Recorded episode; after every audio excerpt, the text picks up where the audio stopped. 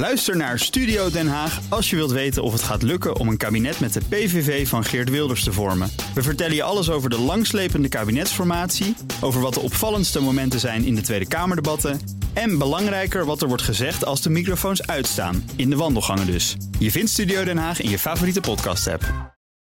Hoi, ik ben Carlijn Meinders. Dit is Wetenschap vanavond.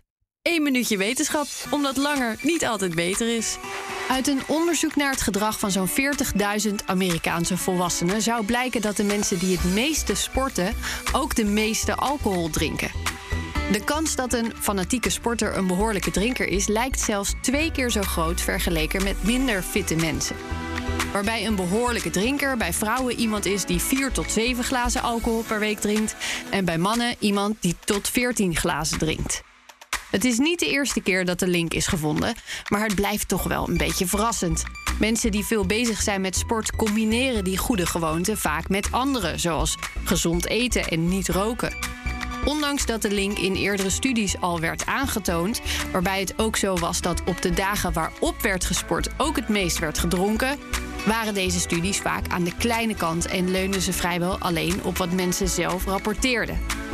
Dit keer ging het om een lopende studie waarbij de gezondheid van tienduizenden Amerikanen lange tijd wordt gevolgd door een combinatie van metingen, fitheidstesten en uitgebreide vragenlijsten.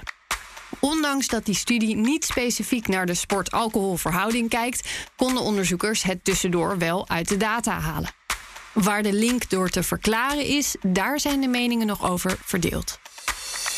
Is één minuutje wetenschap niet genoeg en wil je elke dag een wetenschapsnieuwtje? Abonneer je dan op Wetenschap vandaag.